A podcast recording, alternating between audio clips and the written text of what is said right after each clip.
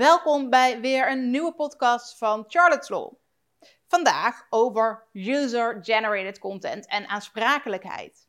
Hoe moet je nou ervoor zorgen dat jij geen schadevergoedingen of boetes hoeft te betalen, omdat je werkt met content dat je aangeleverd krijgt door andere mensen?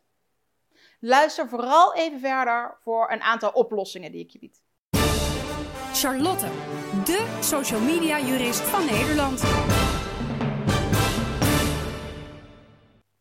User-generated content. Dus de content die niet door jezelf is gemaakt, maar die je van anderen krijgt. Misschien omdat je ze via social media hebt kunnen verzamelen op basis van hashtags en je wel nog om toestemming hebt gevraagd.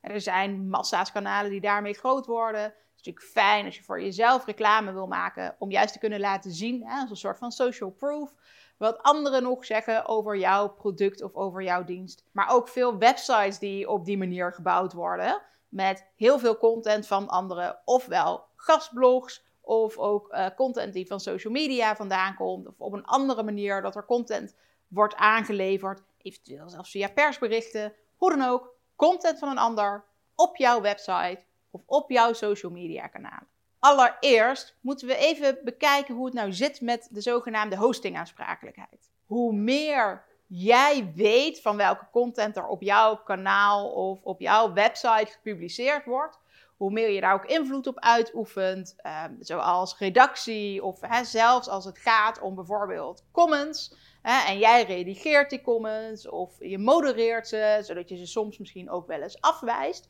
Hoe meer invloed je daarop uitoefent, hoe meer je ook aansprakelijk bent. Nou, zijn het bijvoorbeeld eigenlijk niet jouw websites, maar host jij alleen maar die websites? Hè? Doe je dat voor anderen? Bied je alleen maar een framework aan Zoals bijvoorbeeld veel social media kanalen dat doen. Of uh, nou ja, veel van die um, blogwebsites waar je makkelijk een eigen blog kunt maken. Maar je vooral gebruik maakt van de hosting en een domeinnaam uh, van een ander. Nou ja, dan heb je natuurlijk geen idee van wat er in feite gepubliceerd wordt. En dan ben je daar dus ook niet voor aansprakelijk. Althans, als je er maar voor zorgt dat op het moment dat er melding wordt gemaakt van zo'n inbreuk, van zo'n inbreuk en voor jou eigenlijk meteen duidelijk is dat het inderdaad een inbreuk is, dat je het dan ook direct verwijdert.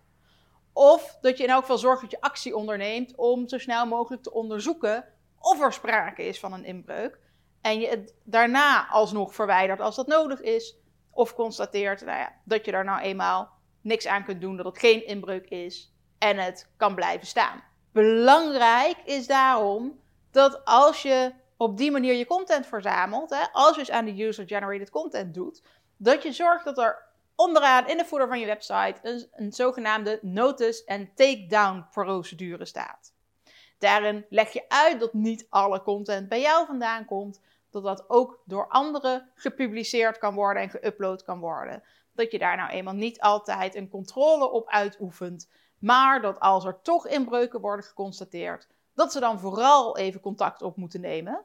En dat jij er dan voor zal zorgen dat het alsnog verwijderd wordt als het een inbreuk blijkt te zijn.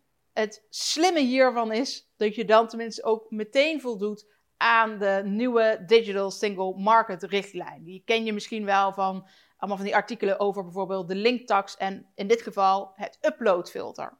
Er is eigenlijk niet meer zoiets als een uploadfilter als je dus maar wel voldoet aan die notice- en takedown procedure.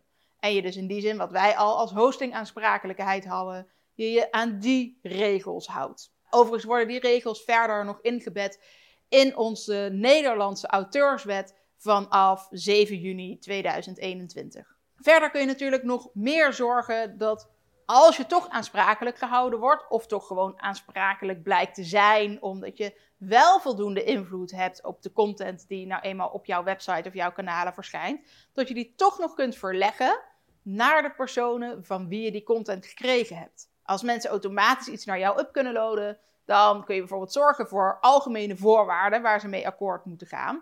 Waarin staat oké, je moet de auteursrechthebbende zijn of je moet een geldige licentie hebben. En vooral, als dat niet zo blijkt te zijn, dan vrijwaar je mij van alle aansprakelijkheden van derden ten aanzien van die content. Ofwel, mocht ik alsnog worden aangesproken op de content die jij uploadt, dan beloof jij aan mij dat ik alsnog niet aansprakelijk ben en dus niet voor de financiële gevolgen daarvan opdraai? Krijg ik dan alsnog, hè, wat we ook wel een boete noemen, moet ik schadevergoeding betalen? Dan mag ik dat bedrag dat ik moet betalen naar jou doorsturen, want jij bent degene die aan mij die content heeft geleverd. Als je daar een automatisch systeem voor hebt op je website, dan is het dus handig om ze daar even gewoon met een vinkje of zo akkoord mee te laten gaan. Of op een andere manier ervoor te zorgen dat ze die voorwaarden te lezen krijgen en ermee akkoord gaan. Of ze ze nou bewust gelezen hebben of niet.